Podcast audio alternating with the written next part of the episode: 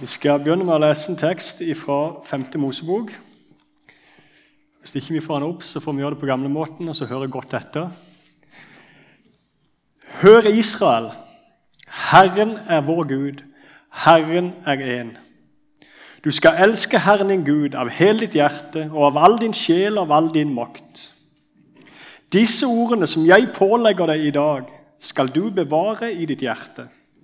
Du skal gjenta dem for dine barn og snakke om dem når du sitter i ditt hus, og når du går på veien, når du legger deg, og når du står opp.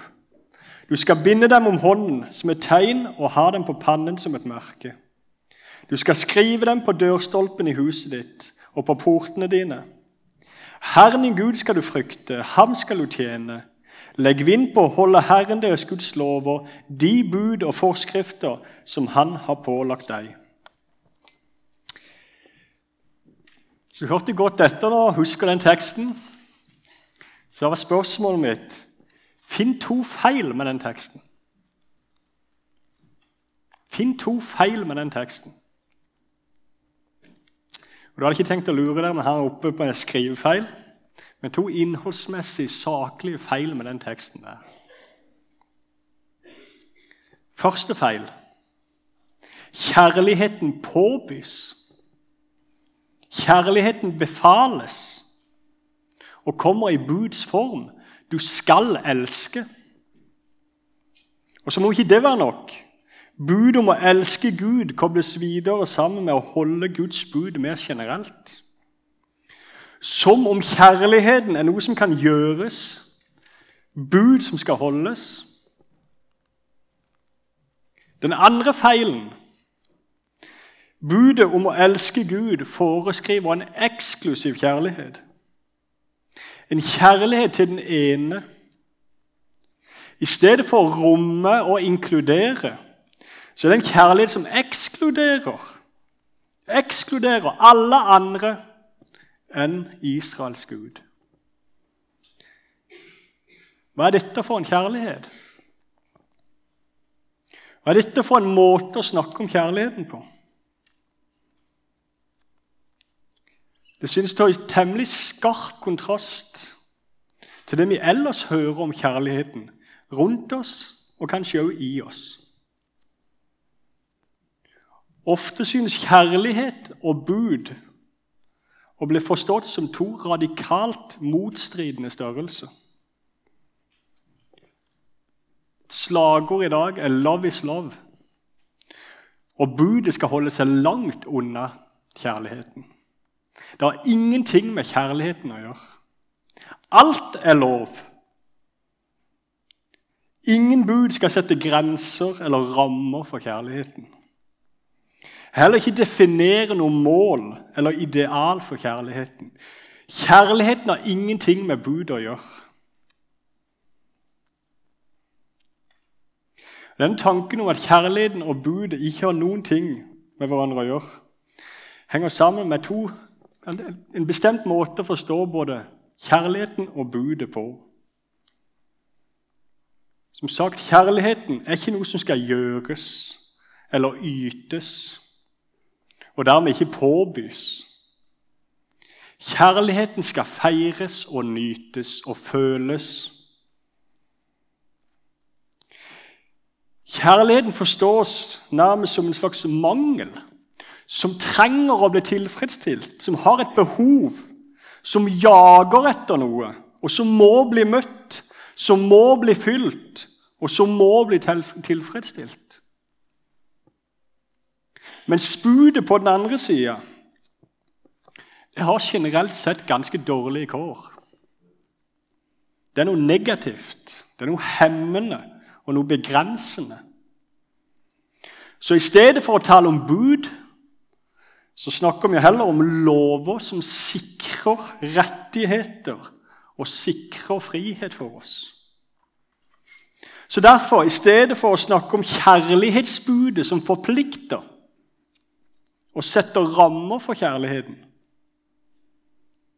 så snakker vi om kjærligheten som en rettighet. En rett til å nyte og en rett til å bli tilfredsstilt. Og Derfor er kjærlighetsbud i 5. Mosebok så fryktelig feil.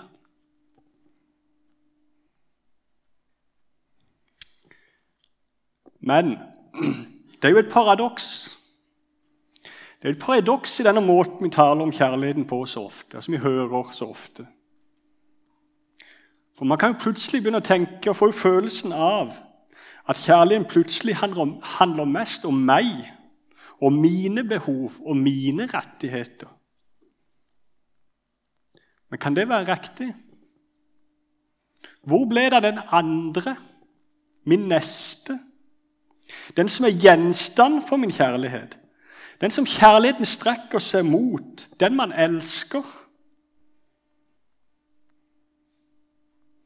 For når alt kommer til alt, er det ikke egentlig sånn at sann kjærlighet først og fremst handler om å gi. Om å gi seg selv til den andre. Er det ikke det som egentlig er den sanne kjærligheten? Det er i hvert fall sånn Bibelen i all hovedsak taler om kjærligheten. Og Ser man bort fra enkelte vestlige land de siste par tiår, så er det også sånn Kirken alltid har talt om kjærligheten. Og Jeg tror dette er en mer saksvarende og fruktbar måte å tale om kjærligheten på. At kjærligheten primært er noe som gis, og derfor også noe som gjøres, og derfor også noe som kan pålegges. Og at denne kjærligheten faktisk har noen rammer og at den har et ideal. Dessuten så vil jeg protestere på den negative forestillingen om budet. Ja, budet innebærer forpliktelser.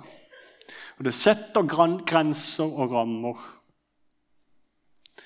Men når alt kommer til alt, så setter det gode rammer og gode grenser. For budet er godt. I Bibelen omtales ofte budet som Guds gode gave. Budet er godt, og det gjør godt. Budet er hellig, rett og godt, sier Paulus i Romerbrevet. Ja, budet er en invitasjon til et godt liv her i denne verden. Les Salme 119, så ser du det.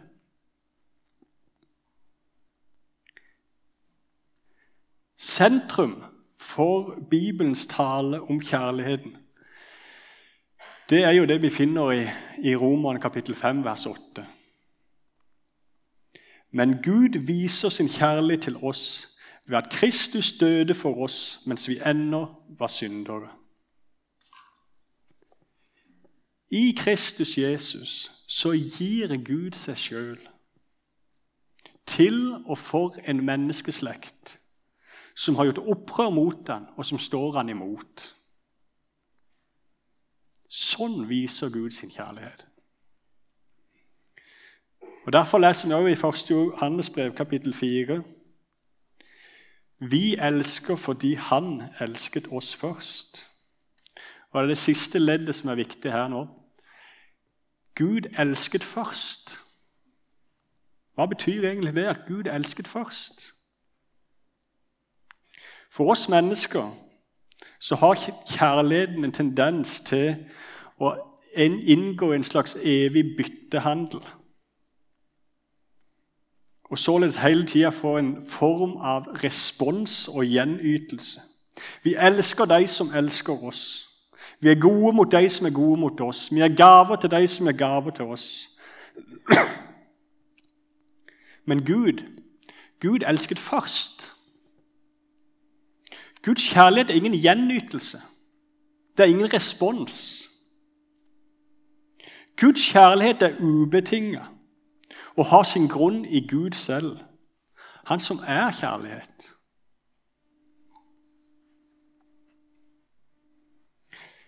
Dette viser oss bl.a. hvor feil spørsmål er som en av og til kan høre. Noen spør, kommer i tvil og kjemper med seg sjøl. Så kan en spørre kan Gud elske en som meg så begynner man å lure på om at Guds kjærlighet er en respons på hvem jeg er. Nei, Gud elsket først. Han elska før du var. Guds kjærlighet er ikke respons på noe som helst. For før verdens grunnvoll ble lagt, så utvalgte Gud oss i Kristus Jesus. Gud elsket først. Men de to tekstene vi nettopp har lest, viser oss to ting til, som vi allerede har vært inne på. For det første kjærligheten demonstreres i handling. Gud har vist sin kjærlighet ved å gi oss Jesus Kristus. I den handlingen av å gi. En handling som består av å gi seg sjøl til og for den andre. Ja, kjærligheten handler også om hengivenhet og følelser og, og flere aspekter ved kjærligheten. Det sier også Bibelen masse om. Men kjærligheten handler først og fremst om handling. Om å gi seg sjøl til og for den andre.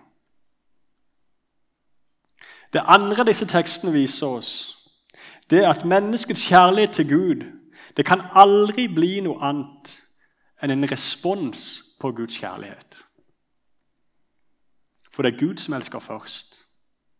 Vi er for seint ute. Det må alltid bli en respons på Guds kjærlighet og kan ikke være noe annet. Og Det er i forlengelse av de to punktene at det er handling og at det er respons at dette kjærlighetsbudet formuleres. Du skal elske Herren din Gud. Det er det 5. Mosebok sier, det er Johannes-evangeliet sier, og det er det første Johannes-brev sier. Å elske Gud, det er å holde Hans bud ser 1. Johannesbrev kapittel 5. Å elske Gud er å holde Hans bud. Et litt haltende bilde kan kanskje hjelpe oss til å forstå det litt bedre.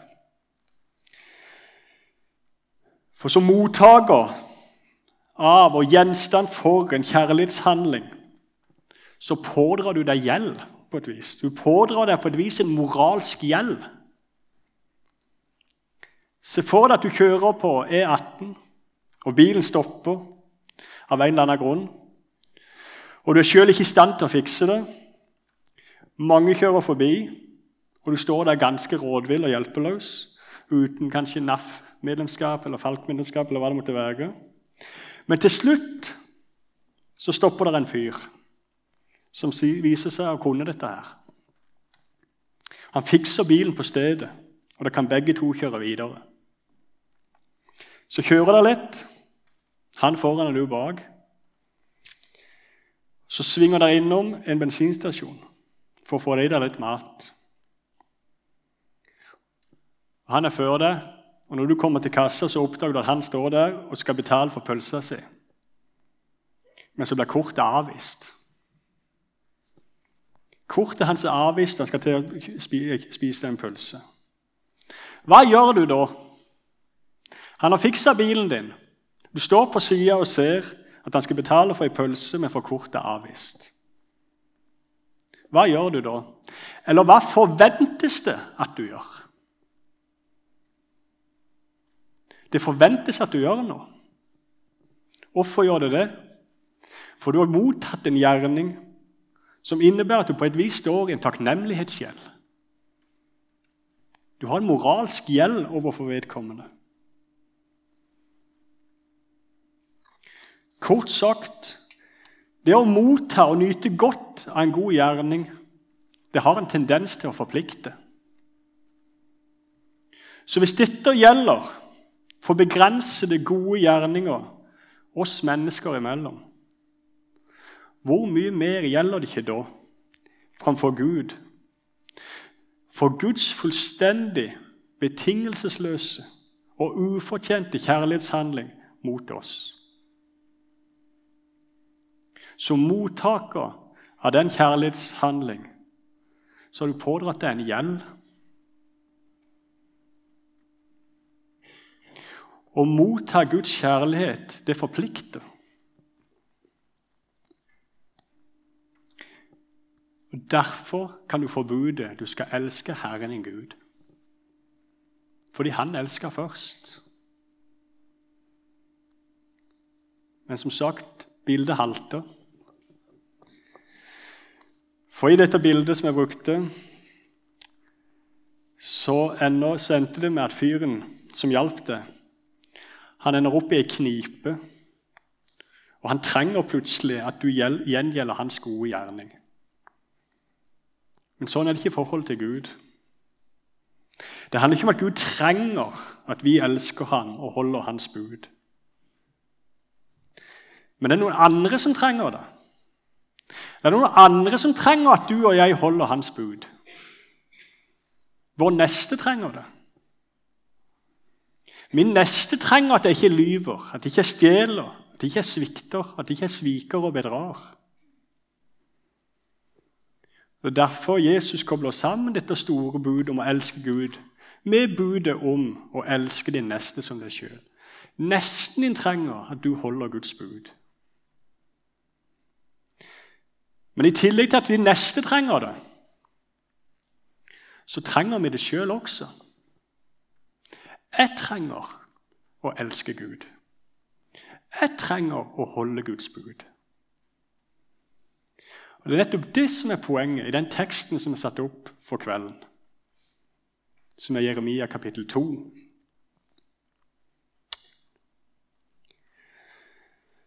I Jeremia kapittel 2 så finner vi rett og slett et kapittel som er en slags form for en sånn latterliggjøring av innbyggerne i Jerusalem og Juda ca. 600 år før Kristus. Det er en latterliggjøring av dette folket og disse innbyggerne fordi de har forlatt Herren og ikke lenger vil elske ham alene. Og Det fascinerende med Jeremia 2 det er at kapittelet synes å beskrive en tenkning om budet. Og om det å elske Gud og Han alene, som er til forveksling lik det vi ofte hører rundt oss i dag. Det som folk i dag synes har problemer med, fordi vi tross alt lever i 2020, synes det altså som at folk allerede 600 år før Kristus også hadde problemer med. Det er lite nytt under solen. Det er ikke bare i 2020 man har protestert mot budet om eksklusiv kjærlighet. De gjorde det 600 år før Kristus også.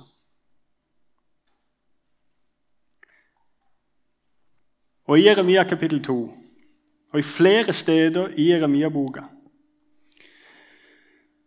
så finner vi nettopp det at folket hadde et meget anstrengt forhold til Guds bud. Flere steder omtales Guds bud som et åk og som lenker. Et åk er det som legges på mennesker og dyr når de skal trekke noe tungt eller bære noe tungt. Og I så måte så assosieres dette åket med noe hardt arbeid, med slit, med strev, med plage og tvang. Og som sammen med lenker innebærer at det er begrensende. Det begrenser friheten.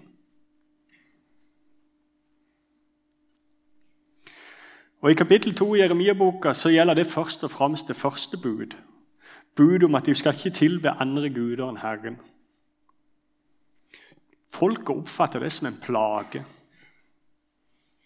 Andre steder i Jeremia-boka så er det andre bud. Som at du ikke skal stjele, ikke lyve, ikke bryte ekteskap.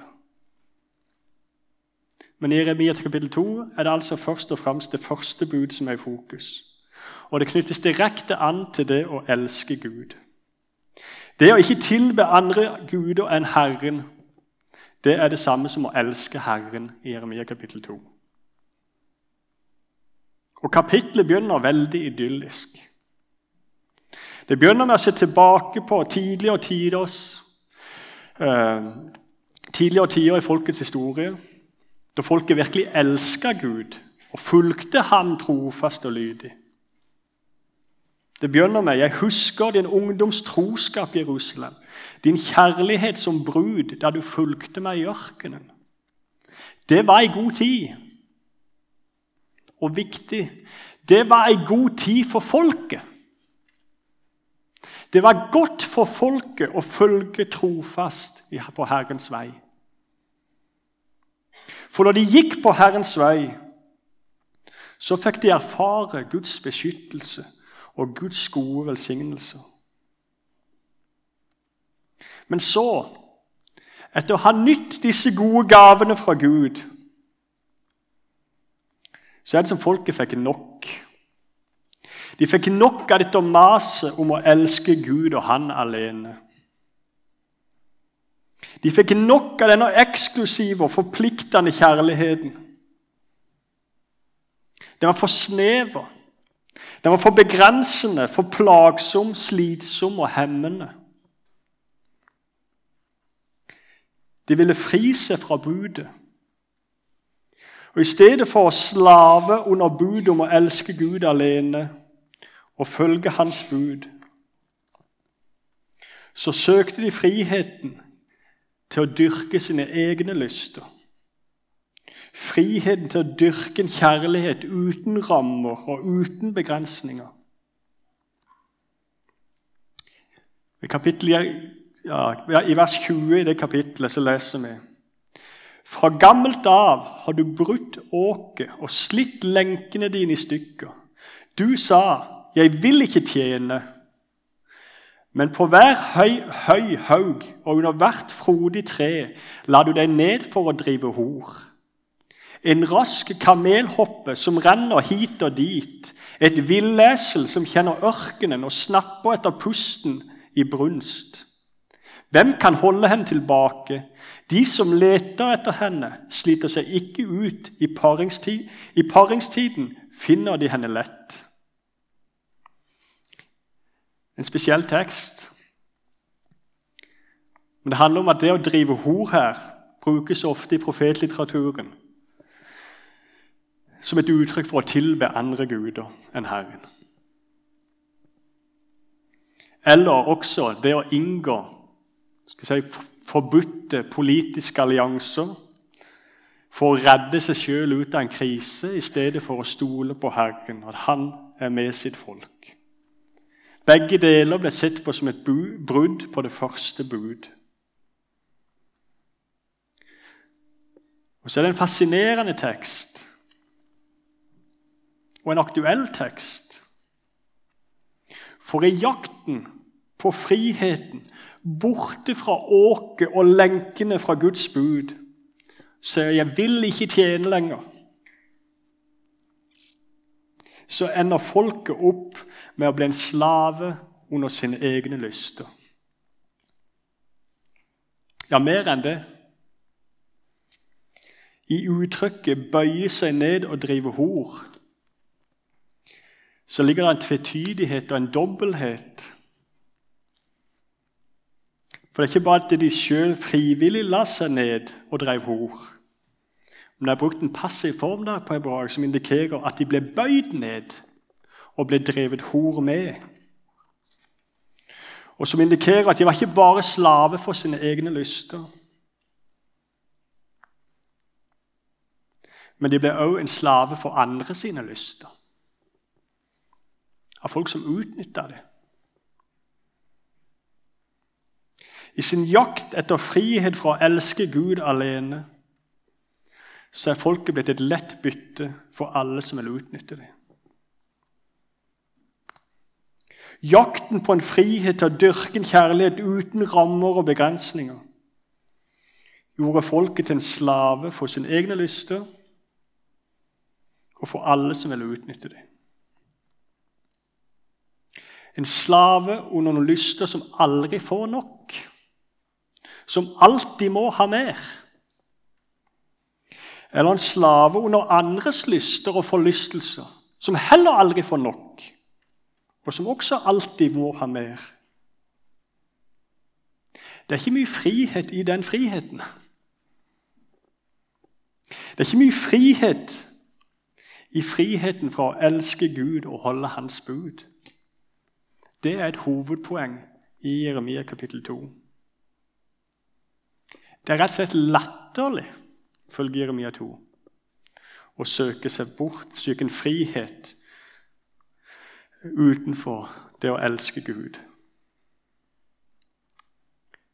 De bruker flere eksempler på dette for å understreke det. I kapittel 2, vers 13, så leser vi For to onde ting har folket mitt gjort. De har forlatt meg, kilden med det levende vann, og hugget seg brønner, sprukne brønner som ikke holder vann. De har forlatt Herren, kilden med det levende vann, til fordel for sprukne brønner som ikke holder vann. Det er det dummeste du kan gjøre. Du er passe dum når du gjør det. Å forlate en levende kilde til fordel for sprukne brønner.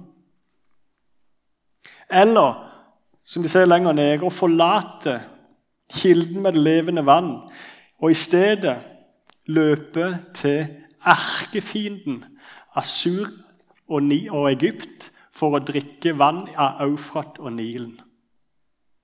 Du er dømt til å bli skuffa.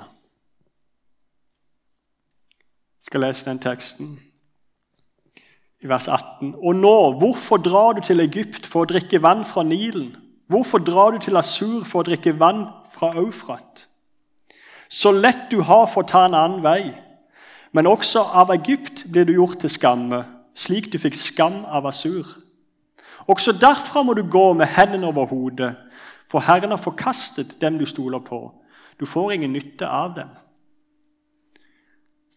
Du må gå ut derifra som en hjelpeløs krigsfange, uten noe hjelp, enten å være en, ny, enten å være en fange.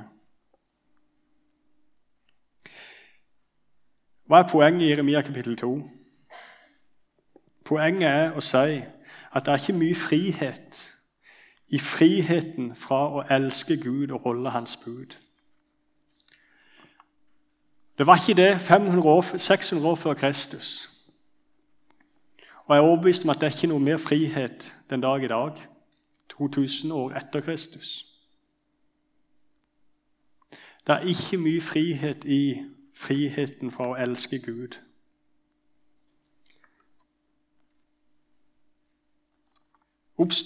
Kapittel 2 i Jeremia oppsummerer det på sin egen måte. Din egen ondskap straffer deg. Ditt frafall går i rette med deg. Forstå og se hvor ondt og bittert det er at du har forlatt Herren din Gud. Det er ondt og bittert å forlate Herren. Det er ondt og bittert å ikke holde Hans bud. Og motsatt. Det er godt å holde Hans bud. Og det gjør godt. Så hva er det å elske Gud? Jo, å elske Gud er å holde Hans bud. Og Gud kan befale det, for han elsker først. Men så er det ikke bare en forpliktelse. Det er også en invitasjon. Det er en invitasjon til et godt liv. Det er godt å holde det sjette bud. Kjære himmelske Far, takk for dine bud, takk for din lov. Takk for at du inviterer oss til å elske deg. Hold i hendene over oss alle. I ditt navn. Amen.